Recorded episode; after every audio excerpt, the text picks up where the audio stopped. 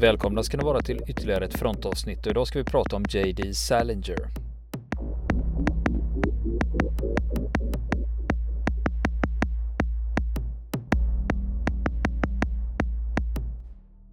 Och nu ska vi fortsätta prata om JD Salinger under andra världskriget. Senare efter Paris då åker Hemingway ut för att besöka Salingers regemente. Och, och då har vi en historia här om eh, eh, den här historien har hänt eller inte. va. Men storyn eh, är så här då. Hemingway kommer ut till Salingers regemente och där de träffar varandra och där hamnar de i en diskussion om vapen. Och, det och Hemingway har fått tag på en luger som han tycker är fantastisk. Men Salinger säger, ah, jo, ja, luger i all ära, men jag föredrar ju den här och drar upp sin Colt 45 då va. Och då ska Hemingway bevisa, men titta på lugen här nu, fan den är så jävla bra. Så han drar upp sin luger, siktar och skjuter huvudet av en höna som går omkring i närheten. Och eh, trots att Salinger, han har ju sett en del grejer de senaste månaderna. Han blir ändå bestört och tycker, ja men det var väl onödigt, vad fan ska det vara bra för? Men det är klart, för Hemingway som är gammal storviltjägare, det är ju, är ju inget speciellt.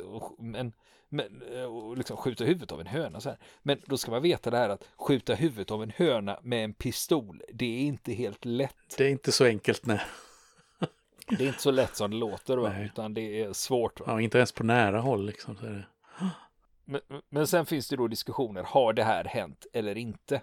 Eh, och ett av beläggen då för att jo men detta har hänt, det skulle då bero på att eh, det dyker upp en snarlik version av den här händelsen i en av Salingers noveller, fast då handlar det om en katt istället.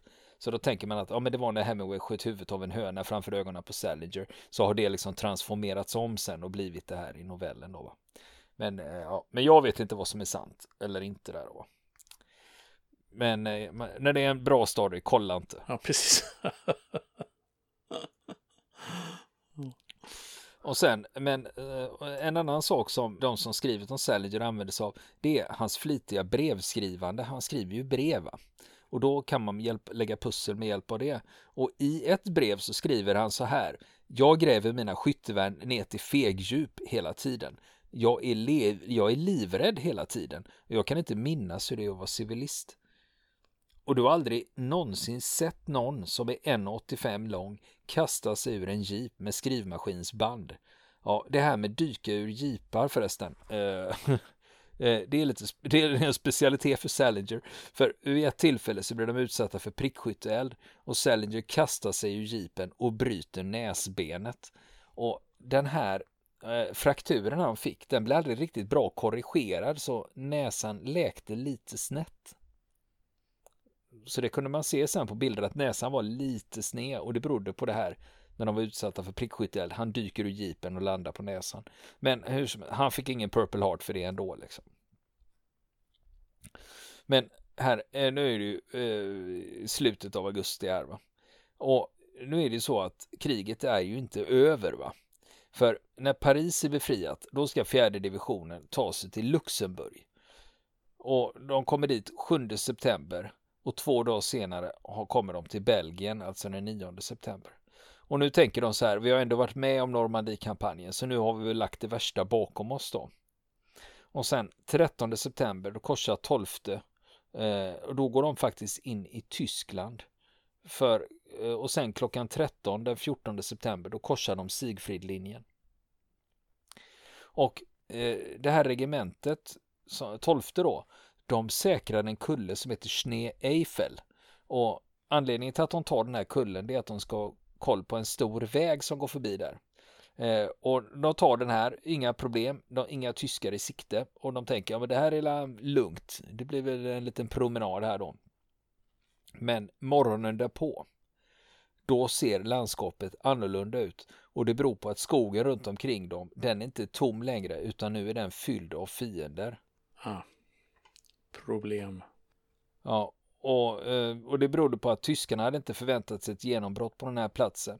Utan de blev överraskade och när de får reda på det, då jävlar. Och det är upp på fötter. Och eh, det är ju inte, nu är problemet att vem är det de ställs emot? Ja, det är inte vem som helst här utan det är andra SS pansardivisionen. Ja, då är det ingen lek. Ja, och nu när vi pratar om de här platserna här då så har vi, eh, jag kommer att säga ett, eh, en, eh, ett namn här, Hürtgenskogen. Ja, Är du bekant med den? Hyrtgenskogen är jag väl bekant med. Som Ja. sagt, det var eh, ett ställe som man helst inte ville vara på kan man säga under, under, under striderna där. Det var ju en serie hårda strider i, en, i ett, Eh, mellan, mellan amerikanska och tyska, eh, tyska styrkor vid eh, eh, gränsområdet mellan Belgien och Tyskland. Kan man säga i slutet av 1944 och, eh, och eh, början av 1945. Och där var ju tät, täta skogsområden då där, där, eh, ja, som delvis har skildrats i eh, Private Ryan. Nej, inte Private Ryan utan i, eh, eh, nu tappar jag namnet. Eh, When Trumpets Fade. men When Trumpets Fade är ju Hürtgenskogen. Ja, precis. Så den finns på, det är en gammal HBO-film, den är gjord för tv. Eh, Men den, så den är lite, lite tv-mässig, inte sådär superpåkostad, men sevärd ändå. Nej, precis. Så att det, det, här, det här ligger ju, ligger ju i närheten av eh, Aachen då som är Tysklands västligaste stad. Och det, här, Eh, det var ju blött och det var snötäckt, det var tät, tät skog. Och eh, vilket gjorde att de allierade inte kunde utnyttja sitt, eh, sitt eh, luftherravälde i det här området. För man såg helt enkelt inte var frontlinjen gick i den, under trädkronorna. Och eh, ja, tänk, tänk dig ett Vietnam fast i eh, råkall europeisk vinter, vinterkyla liksom. Så har man väl en, eh, en hyfsad uppfattning sådär om, om eh, Hyrtgenskogen. Mm. Eh, för eh, jag ska berätta lite om Hyrtgen här nu och förklara lite hur det ser ut där 12 är e då. Eh, för det, inne i Hyrtgen, där rinner Kallfloden och den rinner i en dal som logiskt heter Kalldalen. Och eh, det ser ut så att det är väldigt branta sidor för det här är en ravin. Och uppe på höjden längs med den här ravinen då går det en väg som kallas för Kallvägen. Och den här dalgången och fälten runt omkring blev som en skjutbana under en period här. För det 28 infanteridivisionen, de får order om att gå in i den här dalen och ta orterna i dalgången. Problemet är att samtidigt som de gör det, då håller tyskarna höjderna runt omkring. Så medan amerikanerna är nere i dalen, då är tyskarna på höjden, så det blir ju fritt skjutfält där. Men inledningsvis så går det bra för 28 och de har delat upp sig nu i regementen. Men problemet är när de delar upp sig, då innebär det också att det är lättare för tyskarna att omringa dem. Så att när 28 delar upp sig, då blir de också omringade av tyska styrkor. Och då blir problemet att nu har du divisionen har delat upp sig i regementen och regementen är omringade. Och det här pågår, de här striderna där de är omringade pågår i två veckor. Och eh, eh, eh regementena i 28 de kommer ingen vart utan de bara bedriver försvarsstrid och mals långsamt ner. Och det förstår man ju att om vi inte gör något nu då kommer de här att förintas helt och hållet de här för, förbanden då. Så att eh, målsättningen är att man ska skicka in stridsvagnar för att rädda dem. Men då är problemet att vägen som de ska ta den är för dålig för stridsvagnar så man får liksom skrota den planen. Ja, vad gör vi då då? Jo, då sätter vi in 12 infanteriregementet så får de gå in och rädda resterna av det 28 divisionen då. Och det här är 6 november kommer orden. Nu ska ni in och rädda 28 och målsättningen är att ni ska skapa en korridor in som 28 kan dra sig ur. Och 12 sätter fart och påbörjar strid och försöker slå sig fram till den 28. Och 28 eh, då, de är redan uppdelade i regementen. Nu väljer de att dela upp sig i bataljoner för att försöka ta sig ur. Och, eh, och det här är inga starka förband. De har ju varit ganska nermalda nu så det är inga stora, starka, friska styrkor som ska slå sig ut och försöka möta den 12. Och problemet är att när de då delar upp sig i bataljoner och de är så svaga. Det är ju ännu lättare att omringa en svag bataljon som är decimerad och de har sårade och brist på det mesta. Och då kommer orden till tolfte då, för de försöker ju då mala sig fram här då. Va? Då kommer orden till tolfte regementet. Ni ska dela upp er i bataljoner och fortsätta framåt. Och tolfte eh, protesterar ju eh, och säger att ja, men ser ni inte vad som har hänt här? Eh, 28 eh, försök, ja, det är ju precis det felet de har gjort där, de har ju delat upp sig. Och då blir de omringade och så mals de bara ner. Men eh, de här protesterna hjälper inte. Orden gäller. Va? Ni ska dela upp er och de delar upp sig i tre bataljoner. Men då har de problem för de får en väldigt ojämn framryckning och de har problem med att orientera sig. Och de har ont om mat och ont om vatten och de har dessutom problem med kylan. Och det här blir inte så jävla bra va. För de försöker ju rädda 28 då, men det här räddningsförsöket avbryts efter fem dagar och då har 12 förlorat 500 man. Och nu kommer orden.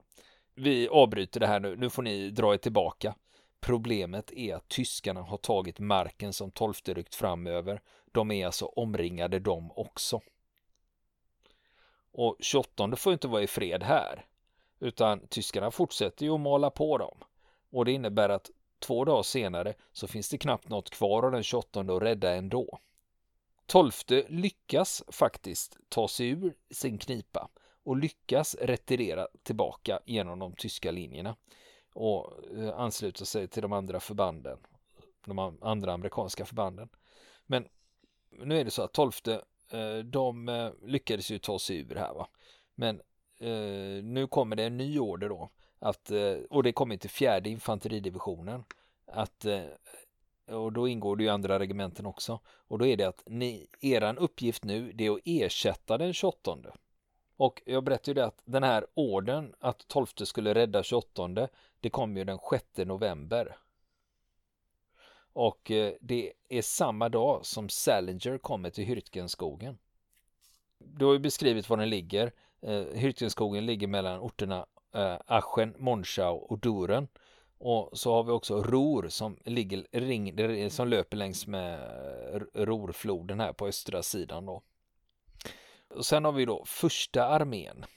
Första amerikanska armén. Det var ju så här att de ville ju fram till Ren. Och generalerna Hodges och Bradley, de bestämmer ju att man ska ta Hyrtgenskogen först. Och, eh, och de vill ju att det är fjärde divisionen som ska ta det. Eh, men eh, problemet med fjärde här också det är ju det att de har inte så många D-dagsveteraner kvar för de har haft så mycket förluster. Så det är mycket ersättningsmanskap.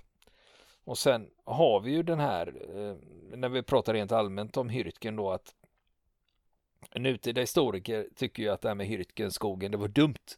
Att eh, istället skulle man gått, kommit söderifrån och rundat skogen och gått direkt till floden och skitit och gå in där. va. Eh, Werner Kleman som var i samma grupp som Salinger, han sa så här att han tyckte att det var slöseri med tid att försöka slåss i Hyrtgen. Han tycker också att man skulle gått runt den. Och problemet med Hyrtgen var ju det här att tyskarna kände till varenda väg och eh, att det här var ett självmordsuppdrag. Och sen hade ju tyskarna hunnit förbereda ställningar också. Och bunkrarna de hade byggt där, det var ofta tjocka trästammar med jord på. Så det gjorde att de var väl skyddade från artilleri. Och skogen i sig gör ju att det är svårt att få fram stridsvagnar och agera med pansar. Så då har man ju infanteriet kvar som skulle då ta de här välförsvarade bunkrarna. Och sen var det ju det här med det tyska artilleriet. Att i Hürtgen då använde tyskarna träbrisader. eh, och de, de smäller av uppe i träna så att splittret liksom regnar ner rakt uppifrån. Och instruktionen till de amerikanska infanteristerna det var ju att när det kommer artilleri då ska du slänga det på marken. Och när, när det gäller träbrisader då, då är det fel va för då blir det ju en större måltavla. Utan efter ett tag kommer de ju på det här att oh, fan det var inte så bra det här. Utan de kommer på det att istället om vi artilleri då ska du krama ett träd för att då, får du, då blir det mindre träffyta. Precis, alltså splittren från en träbrissard kan vara alldeles fruktansvärda. Det är som alltså stora trästycken då alltså som ja, genomborrar en som spjut, precis. Ja, det är både träsplitter och metallsplitter som kommer ner där. Och inledningsvis av de här träbrisaderna, det, det, det skapar så mycket splitterskador i de amerikanska eh, leden att sjukvårdarna får slut på kompresser när de ska lägga om alla de här såren. Och en av soldaterna som var med i Hürtgen, han beskriver det som att kompanierna rörde sig framåt genom terrängen och sen hålls de nere av nedhållande eld precis framför fiendens linjer och då kommer trädbrisaderna. Och sen på eftermiddagen så kryper vi tillbaka till våra värn för att tillbringa ytterligare en kall natt och sen gör vi om samma sak dagen därpå. Det var hans, eh, det var soldatens kommentar om Hyrtgen då. Och sen har vi terrängen i sig. Det är skog och branter och ont om vägar. Det är ingen bra terräng att strida i här. Det är, ja, för tyskarna är det ju det. Det är ju lättare att försvara. Och det finns mycket minfält och försåtsmineringar och till det kommer då regn, snö och kyla. Och vädret här, antingen är allting genomsurt eller så är det väldigt kallt. Och eh, tolfte som var i Hürtgen, de drabbades av 2500 förluster. Eh, och då är det ju både sårade och stupade och eh, folk som lider av granatchock som det hette på den tiden. Men hälften av de här 2500 som tolfte förlorar här, hälften av det är skyttegravsfot, lunginflammation och frostskador. Så att egentligen är det elementen här som är en tuff motståndare utöver tyskarna då. Och sen eh, just det att Salinger var med i Hürtgen här. I, I hans bok sen Räddaren i nöden då dyker det upp en grej som är hämtad från Salingers upplevelser i Hürtgen. Och det är huvudpersonen Holden Caulfield i boken. Han har en storebror som heter Vincent Caulfield. Och Vincent var veteran från andra världskriget. Och Vincent berättar jag tänker tillbaka på kriget och vet jag inte egentligen i vilket håll jag skulle skjuta åt. Amerikanska armén var lika fylld av svin som den nazityska var. Och det skulle då eh, vara hämtat från Salingers upplevelser i, i Hürtgen då. Och sen har vi ju det här med att eh, man hade ju förluster va och då kommer det fram ersättningsmanskap hela tiden löpande då. Eh, problemet med de, den här ersättningsmanskapet var att de var inte rutinerade och de hade väldigt, väldigt hög dödlighet på grund av brist på rutin. Och det var en soldat som varit med ett tag, han sa så här. Vad är vitsen med att köra fram dem hit till fronten? Vi sätter dem i ett skjutevärn, sen blir de skjutna och sen får vi transportera dem tillbaka till därifrån de kom. Är det inte lika bra att vi skjuter dem direkt innan de kommer fram till oss? Då slipper vi transportera dem fram och tillbaka. Då är man ganska cynisk. Eh, det här citatet dyker dessutom upp i en Hemingway-bok eh, efter kriget. Som avser just Hyrtgen då. Och just eh, Hemingway, ja, under striden i Hyrtgen, då var han vid 22 regementet. Så han var också i Hyrtgen samtidigt som Salinger var där. Och en natt när Salinger och hans grupp hade det lite lugnare, då är det Salingers Eh, kamrat där från eh, CIC som berättar att eh, ja, det här var en blöt kväll och klockan var väl åtta på kvällen och vi var i Zweifall och där fanns signaltrupperna och CIC. Och Salinger säger till mig att vi sticker och träffar Hemingway och då tar de sig en och en halv kilometer och då kommer de fram till en stuga där det står PRO och det är inte pensionärernas riksorganisation om ni trodde det utan i det här fallet står det för Public Relations Office. Och mycket riktigt, där finns Hemingway utsträckt på en soffa och han skriver i ett gult anteckningsblock. Och inne i huset så har de el från en generator och det är för att krigskorrespondenterna ska kunna skriva. Men resten av stan ligger i totalt mörker. Och den här författaren Hemingway, han hade precis avslutat sin roman Klockan klämta för dig och vi blev bjudna på champagne i aluminiummuggar. Jag tyckte det var fantastiskt att få träffa honom igen, säger Klimen. Jag hade träffat honom två månader tidigare i Bleyalf och här sitter jag med giganten Hemingway och talangfulla unge Salinger. Tänk att jag var i närheten av sådana män. Mitt under kriget fick jag uppleva den här unika händelsen. Och Klimen är ju med här och sitter med i samtalet mellan de här två herrarna. Och här berättar Salinger en sak för Hemingway som har varit lite hemlig. Och det var varför han blev klassificerad som 1B och inte 1A. För när han mönstrade så fick han ju inte fullt friskstämpeln 1A duglig för all typ av tjänstgöring utan han fick ju 1B begränsad tjänstgöring. Salinger tyckte det var så pinsamt så därför hade han hittat på det där med det okända hjärtfelet. Och det fanns inget hjärtfel utan det var så att Salinger hade bara en testikel. Och för det var att den andra testikeln hade inte vandrat ner i pungen utan den satt kvar uppe i ljumsken. Och egentligen så är det här inget gigantiskt problem utan med lite läkehjälp går ju sådana här grejer att fixa. Enkel operation. Men, Ja, men det hade aldrig gjorts. Va? Och då kommer frågan så här att, ja, men är det verkligen sant att Salinger bara hade en testikel? Och då är det så att de som har skrivit biografier om Salinger har rotat i det här och ställt, frågor, frå, ställt den frågan till kvinnor som Salinger levt ihop med. Och två av de kvinnorna har bekräftat att ja, Jerry hade bara en testikel. Så att nu är den frågan på bordet. Liksom. Okej. Okay. Nu kan vi, nu, nu kan vi, det, nu kan vi prata om det. Ja, backar vi inte från något nu. ja. Så då berättar han det för Hemingway att det såg jag bara en testikel, därför fick jag klassificeringen 1B. Mm. Och, och sen en annan sak som Klimen lägger märke till när de här herrarna pratar är att han är så fascinerad av Salingers minne. För när han pratar med Hemingway då kommer eh, Salinger ihåg namnen på alla karaktärer i Hemingways romaner. Och medan Klimen själv han säger att jag glömde ju bort dem så fort jag hade läst böckerna så la jag fram med boken och så var det borta va? medan Salinger kom ihåg det. Och nu var det ju så att Hemingway hängde ju med 22 eh, och eh, det berodde på att chefen för 22 och Hemingway de kom väldigt, väldigt bra överens. Och han stod senare modell för en karaktär i en av Hemingways romaner dessutom. Och det var också han som hade sagt det här om att köra fram soldater till fronten kan man inte skjuta dem där bak lika gärna så slipper vi transportera dem. Så det är där den dyker upp igen då. Och sen kan man ju tänka det här med att de var ju ändå fyra i, i Salingers underrättelsegrupp.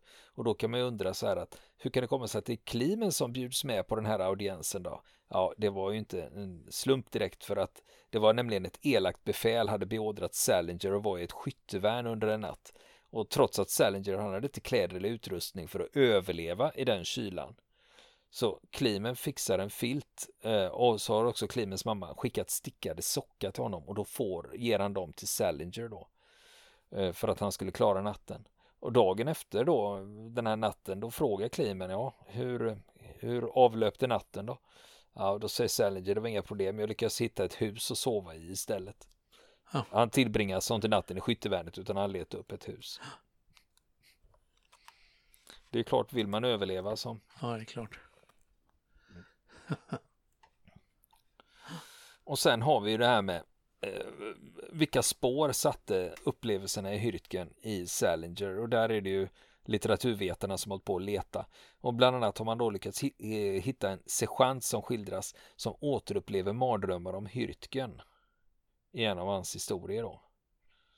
Och, och det är ett år efter Hürtgen, alltså 1945, då kommer novellen The Stranger och där finns en scen med från Salingers upplevelser i Hürtgen. Jag ska läsa det stycket. Soldaten dog på morgonen. Han och fyra andra soldater och jag stod runt en eld i Hürtgen. Plötsligt blev vi utsatta för granatkastareld. Det låter inte utan plötsligt exploderade det bara. Det träffade Vincent och tre av de andra.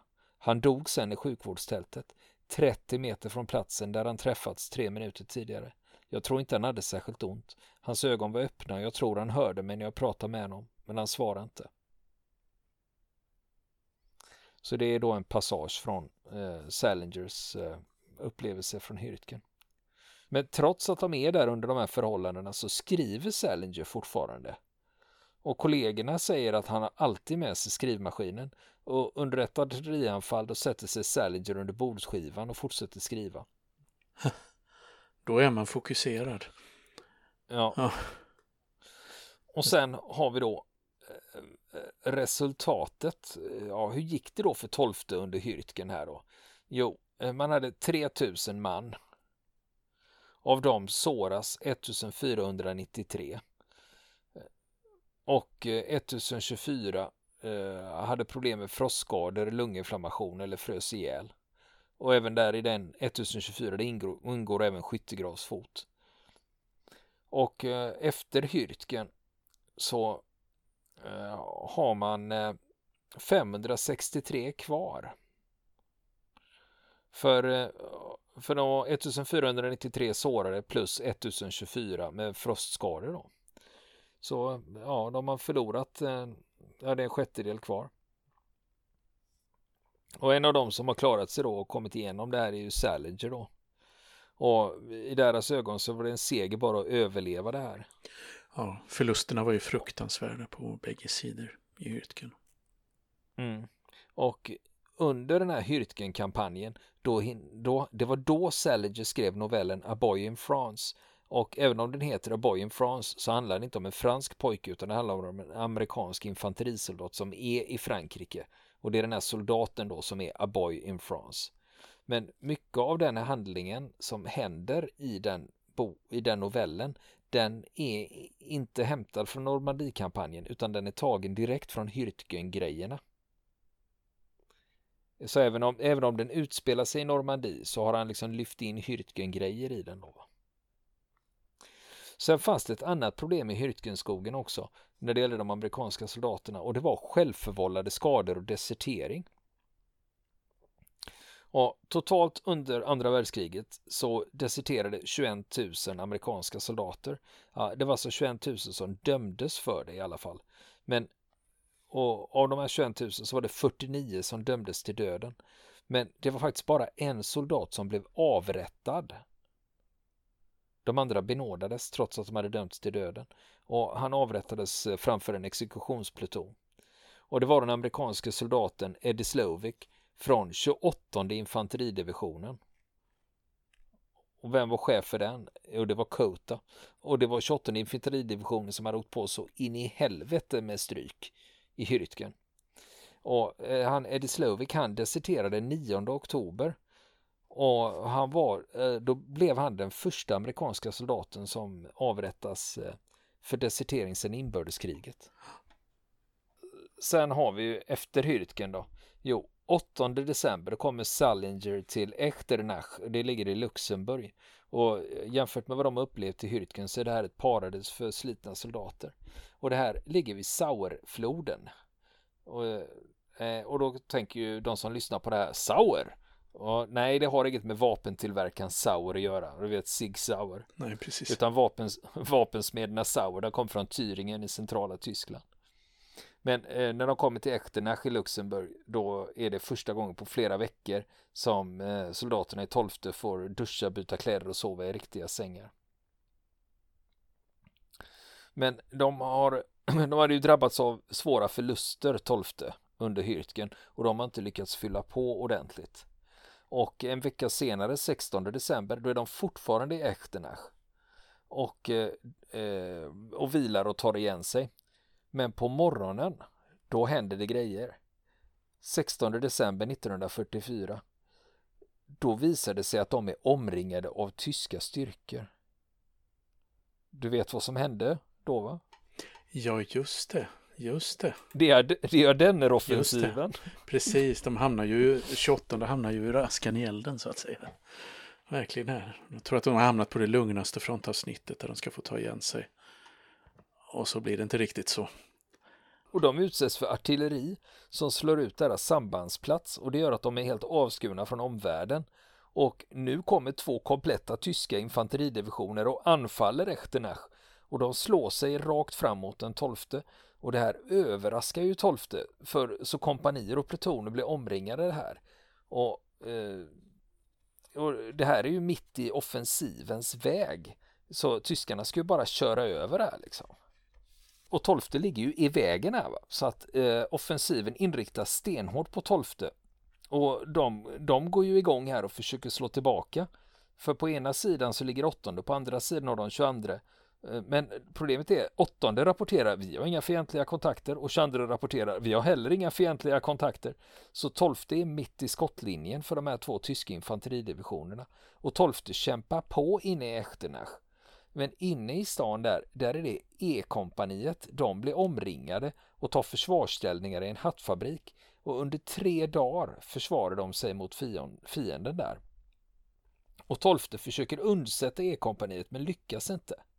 Och 19 december, då håller Echternach på att falla, men då slår amerikanska pansarstyrkor sig fram till Echternach och räddar tolfte. Och stridsvagnarna här, de lyckas till och med ta sig fram till den här hattfabriken för att rädda E-kompaniet där de har stridit i tre dagar. Och eh, då är problemet när de kommer dit, hej vi är här, nu ska vi rädda er, följ med oss ut där då. Kompanichefen har varit avskuren i tre dygn och han har inte fått några order om att retirera. Så hans order är att hålla Echternach till sista man, det var det sista han hörde. Va? Så ja. han eh, flyttar inte på sig och hans kompani stannar kvar. Mm. Och Pansarstyrkorna stannar kvar till natten där för att förstärka upp. Men sen blir de rädda för att tyskarna ska smyga upp med Panzerfaust under natten. Så att eh, de lämnar. De säger vi kan inte stanna kvar här nu för vi vågar inte riskera våra stridsvagnar. Och det som händer är att E-kompaniet lämnas kvar i hattfabriken. Och de här stridsvagnsbesättningarna hinner knappt rulla bort innan tyskarna stormar fabriken. Och det innebär också att E-kompaniet förintas. Ingen av soldaterna överlever. Utan de höll faktiskt eh, hattfabriken till siste man. Så blev det. Och i och med att stridsvagnarna rullar ut och man har lyckats rädda tolfte så faller Echternach i tyska händer. Men tolfte lyckas ändå försvara de omkringliggande städerna och även staden Luxemburg. Och det som händer sen är att Ardenneroffensiven tappar energi och de allierade gör en motoffensiv och sen den 27 december då lyckas tolfte ta tillbaka Echternach. Så då är man tillbaks där igen. Och vid det här laget eh, Eh, så finns det inga civila kvar i Echternach utan de har evakuerats. Och sen striden om Ardennerna, den är över sen i januari 1945. Och då har redan Salinger hunnit fylla 26 år, för han är nämligen född 1 januari 1919, så han fyllde 26 där. Och nästa vecka fortsätter vi prata om J.D. Salinger. Vill ni komma i kontakt med oss så kan ni göra det via vår Facebook-sida som heter Fronten. Det är inga problem för er att leta er fram där. Eller också så mejlar ni på vår mejladress och det är frontenpodcast@gmail.com.